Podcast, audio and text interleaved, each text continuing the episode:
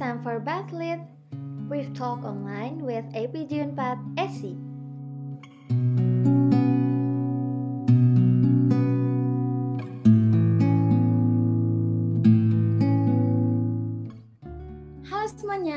Kembali lagi di Batolit, Brief Talk Online with APG 4 SC, episode 2 bersama aku Lois dan empat narasumber keren lainnya, yaitu para Vice President dan General Secretary APG 4 2021. Yuhu! Siapa sih narasumber kita hari ini? Langsung aja dong kita sapa. Yang pertama ada Bang Gilang sebagai General Secretary. Oke, halo semuanya. Aku Gilang Desti. Aku di EP Junpas Student Chapter 2021 menjabat sebagai Sekretaris Jenderal. Lalu ada VP atau Vice President 1 Foreign Affairs Teh Giana Sonya. Halo semuanya, kenalin aku Giana Sonya dari Vice President Foreign Affairs EPJ Unpar Asia 2021. Salam kenal semuanya. Halo Teh Gien. Lalu ada juga yang gak kalah keren, VP2 Academic Excellence Teh Jasmine nih yang paling keren. Halo listeners, aku Jasmine sebagai Vice President 2 Academic Excellence APJ 4 2021. Nah, yang terakhir biasanya yang paling heboh nih. Siapa sih? Ada VP3 Organizational Reinforcement Teh Kelly dong. Halo, halo, halo, halo semuanya. Perkenalin, nama aku Kede Boris Manung Khalid yang dipercaya tahun ini menjadi Vice President 3 yaitu Organizational Reinforcement. Hai semuanya, salam kenal. Salam kenal juga Teh Kelly. Nah, tadi kan kita udah kenalan nih sama narasumber kita hari ini. Sekarang kita mau bahas apa sih?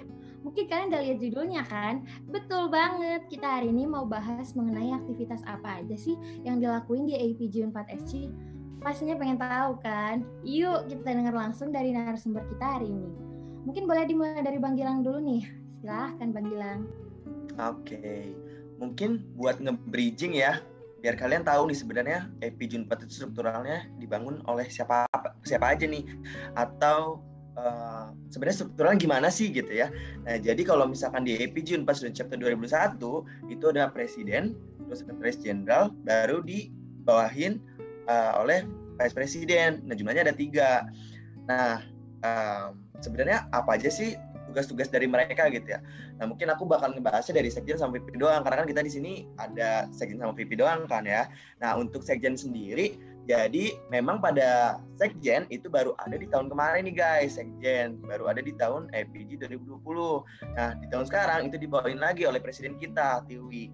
Nah jadi sekjen di sini itu uh, apa ya mempresentasikan mungkin ya atau merepresentasikan itu sebagai uh, wakil presiden cuman memang tugasnya itu lebih di sekretaris dan bendahara.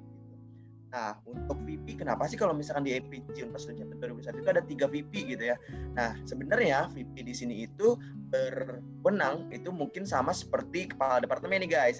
Nah, jadi setiap VP itu punya tugasnya masing-masing. Nah, kalau misalkan VP 1 itu di eksternal, VP 2 itu di akademik, dan VP 3 itu di internal. Gitu loh. Nah, Bang Gilang sendiri kan merupakan General Sekretari nih. Boleh dong dijelasin apa aja sih divisi yang ada di General Sekretari ini? Oke, kalau misalnya kita ngomong tentang sekjen nih ya, tentang departemen sekjen itu ada tiga divisi. Pertama ada sekretaris, ada bendahara, sama yang terakhir ada finance. Finance itu dibawahin lagi oleh bendahara, gitu. Wah, banyak juga ya, Bang. Setiap divisi itu aktivitasnya ngapain aja sih, Bang? Siapa tahu listeners kita ada yang tertarik nih. Betul banget. Hmm, kalau misalnya kita ngomongin tentang aktivitas ya, oke, okay, kita bisa breakdown nih dari setiap divisi. Mungkin kalau misalnya dari sekretaris sendiri, yang di mana kita tahu, kalau misalnya sekretaris itu kan melakukan pengarsipan, melakukan administrasi, segala macamnya itu dipegang uh, oleh sekretaris gitu. Nah, di inovasi di tahun sekarang itu ada namanya Scrum Method nih. Itu nanti kita bahas lebih lanjut lah ya gitu ya kalau misalnya tentang Scrum Method ini. Kemudian ada juga kita melakukan laporan per bulan, melakukan annual report, kemudian ada managing administration, terus mengatur segala macam tentang uh, format surat, proposal dan LPJ gitu ya. Terus kita juga melakukan pengarsipan data divisi ini. Nah, si data-data itu ada TUR, ada RAB, ada LPJ dari setiap divisi dan yang lain juga gitu. Nah, kenapa sih pengarsipan ini tuh perlu gitu ya atau penting gitu karena ketika data-data itu diarsipkan itu akan menjadi uh, apa ya cross check gitu ketika di satu term atau dua term itu sudah dilakukan aktivitas apakah memang pertanggungjawabannya itu di suatu divisi memang benar atau tidak gitu seperti itu. Nah kemudian ada juga ada nomor surat, ada nomor sertif itu mungkin kita juga berkoordinasi dengan BEM FTG Unpad karena kan IPG juga dibawahi oleh FTG Unpad. Nah kalau misalkan secara general sekretaris seperti itu. Nah kita beralih nih ke bendahara. Jadi kalau misalkan bendahara sendiri yang seperti kita tahu dia kan melakukan manajemen ini melakukan pengelolaan income dan outcome dari setiap divisinya. Nah, selain itu juga uh, treasurer itu melakukan laporan keuangan per bulan. Dia juga melakukan pendataan ulang dana, kemudian mengakumulasi data RAB dari setiap divisi. Kayak gitu. Jadi seluruh data-data yang itu akan diakumulasikan dan akan di cross check oleh bendahara sendiri dan tentunya nanti kan data-data tersebut akan diarsipkan oleh sekretaris. Jadi sekretaris dan bendahara di sini juga pasti akan berkoordinasi nih untuk melakukan eh, data-data atau pengumpulan data-data itu sudah betul atau tidak gitu. Sudah uh, apa ya namanya tuh sudah terpenuhi atau belum dari setiap divisinya gitu. Nah yang terakhir nih yang dibawain oleh bendahara itu ada finance di mana yang seperti kita tahu finance sendiri itu apa ya tugasnya mengumpulkan dana tentunya gitu untuk uh, menunjang dana uh, kita sendiri agar setiap aktivitas itu bisa terlaksanakan karena kan setiap aktivitas pasti ada dana yang dibutuhkan gitu. Nah, finance sendiri di sini mungkin inovasi ya. Kalau misalnya kita ngomongin tentang inovasi dari tahun sekarang itu finance ada namanya activity card nih. Jadi activity card di sini itu berfungsi sebagai identitas dan kita juga punya fungsi lain gitu. Kita pengen menjadikan activity card ini sebagai imani untuk apa ya, memudahkan para staff itu melakukan transaksi itu. Nah, terus selain itu juga ada database vendor. Jadi database vendor di sini itu uh, kita pengen itu finance pada saat nge-approach vendor itu mudah gitu dengan adanya data-data yang sudah di apa ya akumulasikan sebelumnya gitu. Jadi nanti tinggal uh, pada saat memang akan melakukan work program itu uh, finance tinggal lihat nih database vendor dan tinggal menghubungi gitu dan masih banyak lagi gitu program-program yang ada di finance kayak gitu Wah, banyak juga ya program di finance. Nah, BTW, tadi kan Bang Gilang ada nyebutin nih sedikit tentang Scrum Method. Boleh dong sneak peek Scrum Method itu apa sih dan diterapkannya untuk apa ya, Bang? Oke. Karena mungkin tadi aku waktu awal uh, singgung ya tentang Scrum Method dan sekarang lagi dibahas nih. Jadi Scrum Method itu merupakan salah satu metode yang di mana akan uh, apa ya meningkatkan peluang keberhasilan managing suatu organisasi gitu. Nah, jadi aplikasi dari Scrum Method ini tuh diaplikasikan itu melalui sebuah aplikasi. Nah, namanya itu Trello, guys. Nah, dengan adanya Trello ini kita bisa melakukan controlling dan mentoring mungkin ya atau melakukan evaluation juga gitu dengan semua uh, aktivitas yang sudah dilakukan gitu. Jadi seluruh perencanaan, persiapan, kemudian uh, pelaksanaan itu akan tercatat di Trello. Jadi kita bisa tahu nih divisi mana aja sih sebenarnya yang sudah melakukan kegiatan dan belum. Divisi mana aja sih sebenarnya yang sudah melakukan perencanaan konsep atau belum gitu. Nah dengan adanya Trello di sini itu akan memudahkan kita untuk uh, kita di gitu untuk melakukan controlling dan tentunya akan hmm, apa ya akan akan menimbulkan sikap profesionalitas kita gitu. Karena dengan adanya ini kita setiap harinya akan ke track nih siapa aja yang sudah melakukan uh, pengisian dan belum kayak gitu Wah, berarti kalau misalnya boleh aku simpulin, si Scrum Method ini efektif banget buat kolaborasi dan pengorganisasian yang dilakukan oleh anggota-anggota dalam sebuah tim kan, Bang? Betul banget. Nah, kalau tadi kita udah dengar dari General Secretary, sekarang boleh nih Tegian berbagi cerita mengenai aktivitas di VP1. Langsung aja Tegian. Oke, okay, thank you Lois. Aku bakal mungkin bakal ngejelasin mengenai foreign affairs lah ya VP1. Jadi broker-broker yang ada di foreign affairs ini udah disinggung sama Gilang bahwa erat kaitannya dengan dunia eksternal ya. Di mana divisi-divisi yang ada di bawahnya ini ada public relations, ada creative management, dan juga ada field trip kayak gitu. Mungkin aku bahas dari public relation ya. Jadi public public relation ini mengurus proker-proker yang kaitannya dengan hubungan kita dengan pihak luar. Seperti apa? Contohnya saja yang pertama itu benchmarking. Benchmarking di sini kita nih sebagai member APG 4SC akan istilahnya brainstorming lah, brainstorming dengan APG yang ada di universitas lain maupun dengan lembaga lain lah kayak gitu. Terus juga ada GSLDT atau Geoscience Student Leadership Development Training. Jadi di sini nih di GSLDT ini kita IPG 1 Indonesia akan dipertemukan melalui acara ini. Nanti acara-acaranya itu uh, mengasah lah, mengasah atau mengembangkan skill leadership kita kayak gitu di, di GSLDT ini. Terus juga PR mengurus atau organizing organizing sosial media gitu kan. Kalau PR di sini tuh terus membuat caption-caption Terus juga CSR ya, CSR Corporate Social Responsibility juga dipegang oleh PR. Lalu juga untuk open house sendiri nih sebagai rangkaian open house kan si podcast ini juga ada di PR kayak gitu kan. Terus kita juga punya inovasi nih di tahun ini kayak gitu kan. Kita punya inovasi kalau kita akan membuat database alumni dan speaker dan juga kita akan collab collab dengan APG dari universitas lain. Jadi untuk collab ini kita akan menyusun lah, menyusun suatu acara bersama gitu ya dengan APG universitas lain di mana tujuannya itu untuk branding studi chapter kayak gitu ya untuk PR mungkin. Next nih ada creative management. Creative management ya membuat ini lah, membuat desain poster untuk divisi-divisi yang membutuhkan, lalu juga creative management manage memanage website dari APG. Terus ada field trip, field trip untuk prokernya sendiri, ada field trip, ada company visit, dan juga ada field study. Jadi untuk batasan field trip dan convis ini, field trip itu lebih kita melihat singkapan nih uh, di lapangan gitu kan. Sedangkan convis ini kita lebih ke melihat peralatan-peralatan yang ada di perusahaan. Jadi kayak gitu batasannya. Dan untuk proker field study, field study itu uh, merupakan proker ya untuk kuliah lapangan kecil-kecilan lah gitu di mana di lapangan ini kita dituntut untuk menguasai dasar-dasar dari pemetaan gitu kita dituntut untuk bisa nih pemetaan di lapangan Nah segitu sih mungkin ya dari Foreign Affairs untuk ngapain ajanya gitu. Wah berarti kalau boleh simpulin, kalau VP1 itu lebih ke hubungan dengan dunia luar gitu ya Teh? Betul, betul, betul banget. Nah, aku tuh ada tertarik nih sama salah satu prokernya yaitu GSLDT. Kayaknya GSLDT tuh acaranya rame banget ya sih, bisa kumpul-kumpul bareng APJ Unifline, bisa main bareng. Kalau boleh tahu emang GSLDT itu dilaksanain dilaksanainnya di mana sih teh? Apa tempatnya beda-beda tiap tahunnya? Oh, GSLDT ya, ya benar banget. Uh, eh, GSLDT itu setiap tahunnya diadakan di beda-beda tempat, kayak gitu kan. Untuk tempatnya sendiri kemarin itu dipegang oleh Universitas Brawijaya kan. Jadi kita pergi ke Malang kayak gitu. Terus dua tahun ke belakang dipegang oleh UGM jadi kita ke Jogja gitu kan. Dan tahun ini akan dipegang oleh Undip. Kemungkinan besar kita akan ke Semarang kayak gitu sih Lois. Jadi benar beda-beda tempat setiap tahunnya Ih asik banget dong nih kalau ke Semarang. Dan kebetulan banget nih guys, Tegian pernah jadi salah satu delegate atau perwakilan dari AP Jun 4 SC di GSLDT.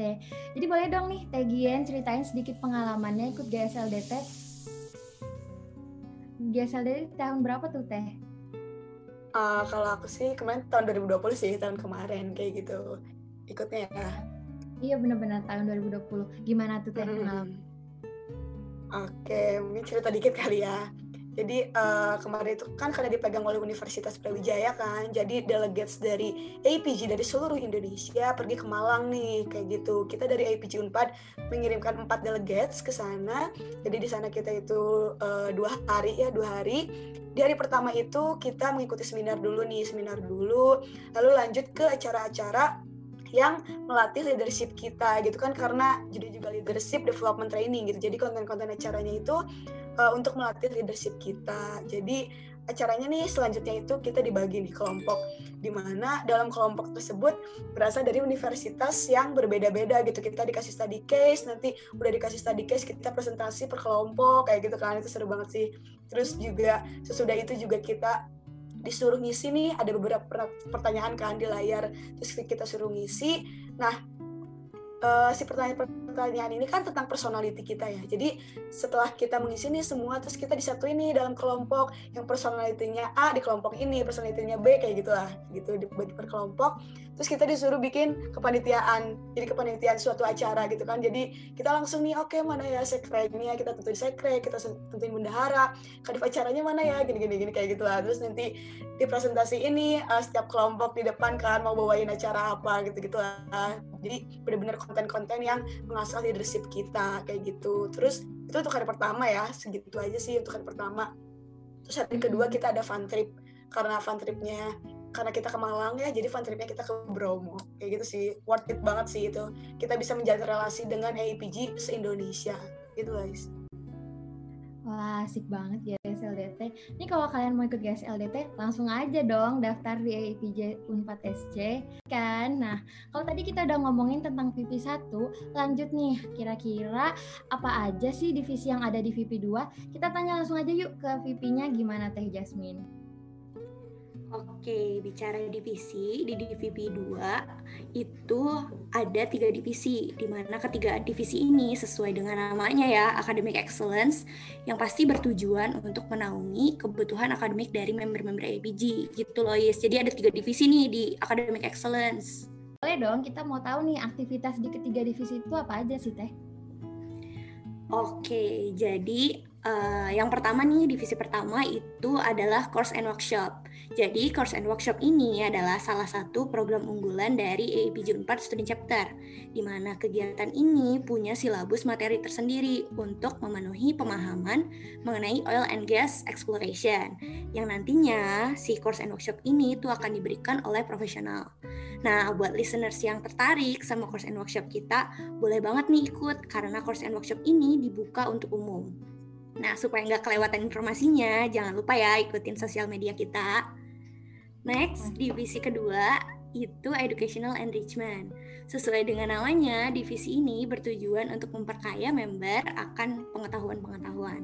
Nah, banyak banget nih program kerja di divisi ini. Ada study club, monthly trivia, monthly quiz, knowledge-o-meter, dan satu program inovasi di divisi II, yaitu APG Competition. Nah, APG Competition ini fungsinya melatih mental berkompetisi untuk member-member APG sebelum mengikuti competition yang sebenarnya di luar sana. Jadi sistemnya itu kita simulasi smart competition gitu di internal APG. Jadi sambil kita bonding sambil belajar juga. Nah, pokoknya yang pasti semua program di divisi Educational Enrichment ini bertujuan untuk memaintain akademik dari para member. Terus, satu lagi nih Lois di divisi terakhir ada competition enhancement. Nah, divisi ini itu merupakan divisi baru di tahun ini sesuai dengan tagline kita nih APG 4 2021 yaitu Victory to Create History. Diharapkan divisi ini itu mampu jadi platform bagi member, bagi kita-kita untuk meraih victory sehingga menciptakan history gitu. Nah, yang spesial lagi nih di divisi ini ada program kerja yang namanya Scientific Research Nah, program ini tuh merupakan platform untuk member menciptakan karya tulis ilmiahnya sendiri. Jadi nanti paper yang dihasilkan tuh dari setiap-setiap kelompoknya akan diikuti ke dalam lomba-lomba paper competition di luar APG sana. Jadi intinya si divisi ini tuh bertujuan untuk mempersiapkan member-member untuk berkompetisi. Begitu. Nah, uh, satu lagi nih Lois di Academic Excellence tuh ada program baru juga yang nantinya akan dipersiapkan oleh divisi Course and Workshop. Nama programnya itu Distinguished Lecture Program. Kamu tahu nggak sih program ini Lois? Aku baru dengar sih Teh program Distinguished Lecture. Kira-kira apa tuh Teh? Soalnya mungkin listeners kita ada yang masih baru tahu juga nih. Boleh dijelasin Teh?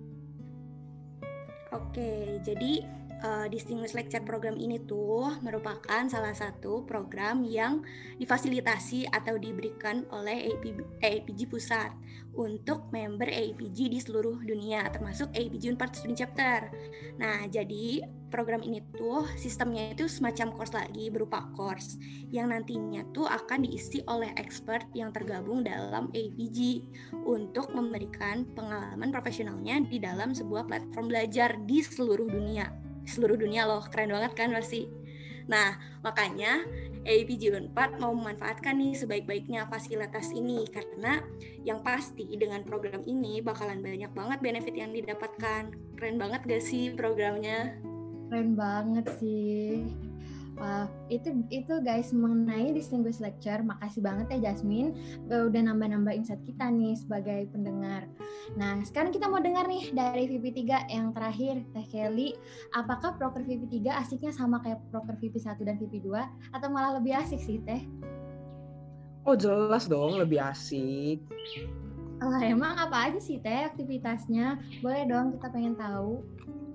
Oke, sebenarnya uh, VP3 itu prokernya nggak terlalu yang menguras hati, tenaga, dan pikiran gitu. Nah, seperti tadi yang udah dijelaskan oleh VP1 dan VP2, kalau misalnya VP1 itu dia uh, tentang eksternal nih dunia-dunia luar gitu kan. Nah kalau misalnya pas Vice Presiden 3 ini organizational reinforcement itu tuh menangani bagian internal organisasinya. Nah jadi ada dua divisi nih yang berada di bawah naungan uh, VP 3 atau organizational reinforcement. Di antaranya adalah Human Resource Development yang biasa disingkat dengan HRD dan yang kedua adalah Organizational Development atau biasa disingkat dengan OD.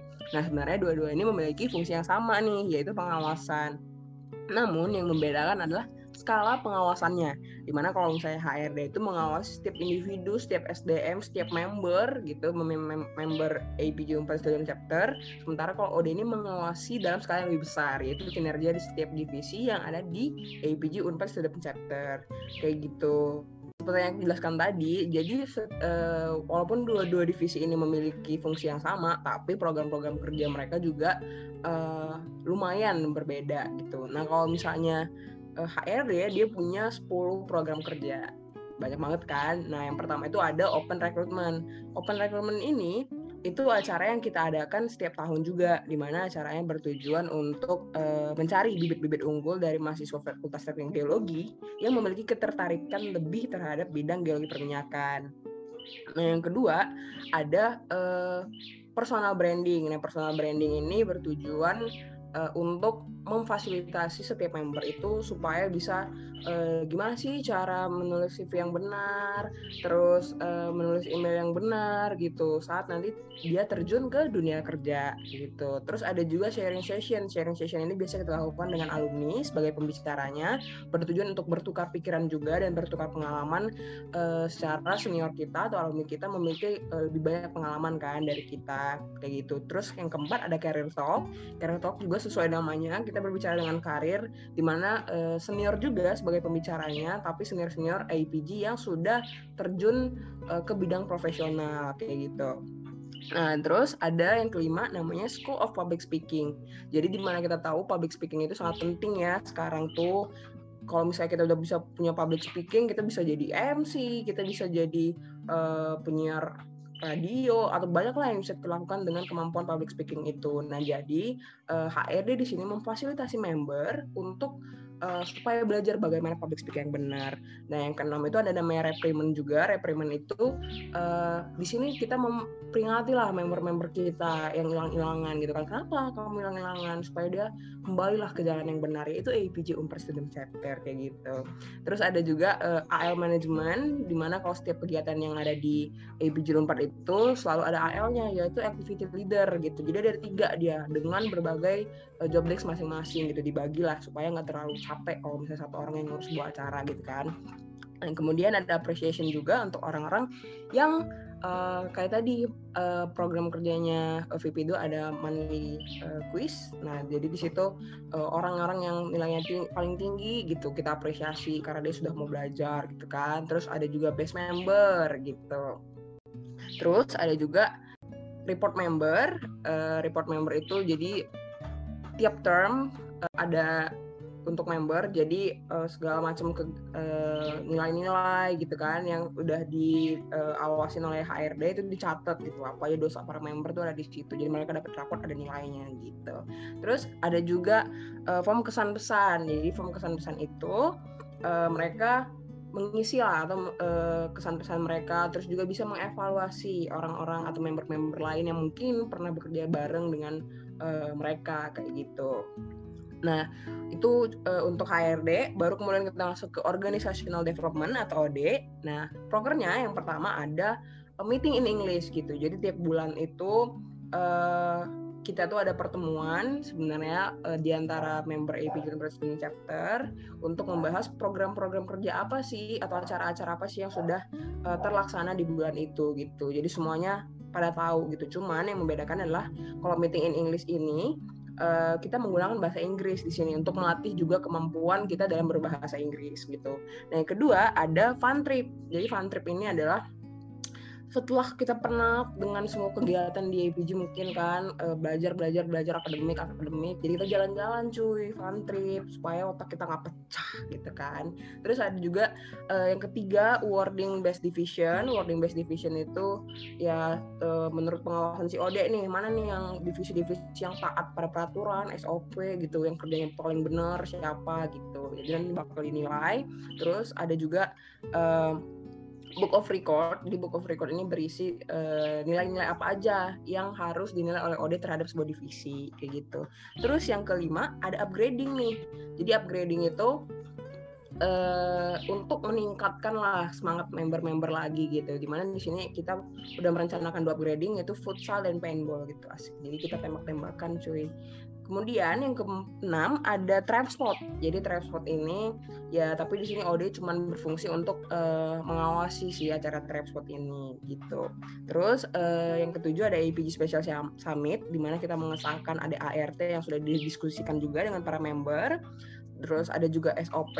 Jadi uh, OD itu uh, mengawasi setiap uh, divisi apakah uh, taat pada SOP atau enggak gitu.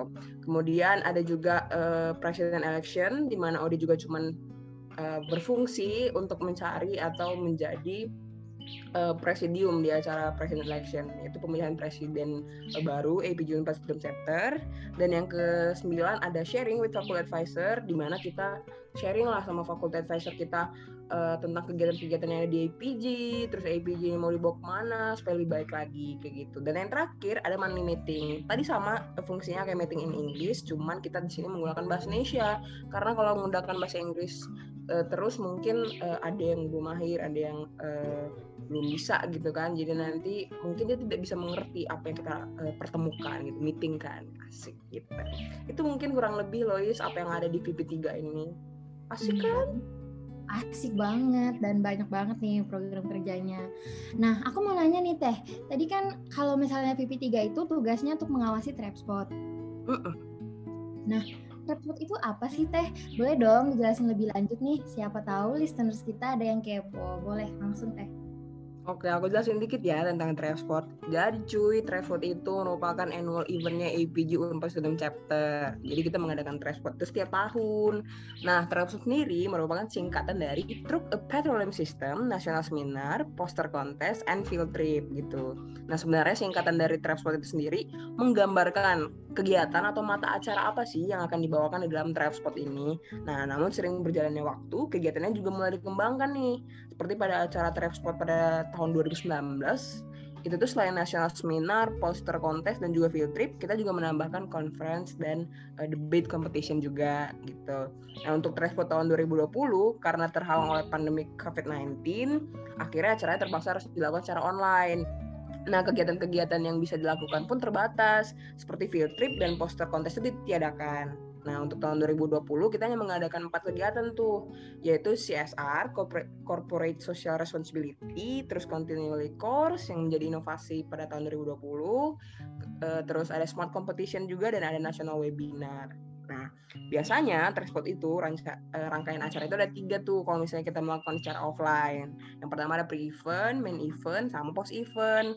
Nah, untuk CSR dan field trip itu biasanya kita buat dia di uh, pre-event gitu. Baru kemudian uh, national seminar, conference, debat competition, poster competition, yang kayak gitu-gitu tuh menjadi main eventnya, di mana puncaknya nanti selalu uh, yang national seminar kayak gitu. Nah untuk post eventnya biasanya kita mengadakan gala dinner di situ. Nah, di situ kita mengumumkan uh, pemenang dari setiap lomba siapa aja. Terus uh, ya sambil makan malam makan malam lucu lah gitu kan. Kayak gitu sih kurang lebih gambaran mengenai transport.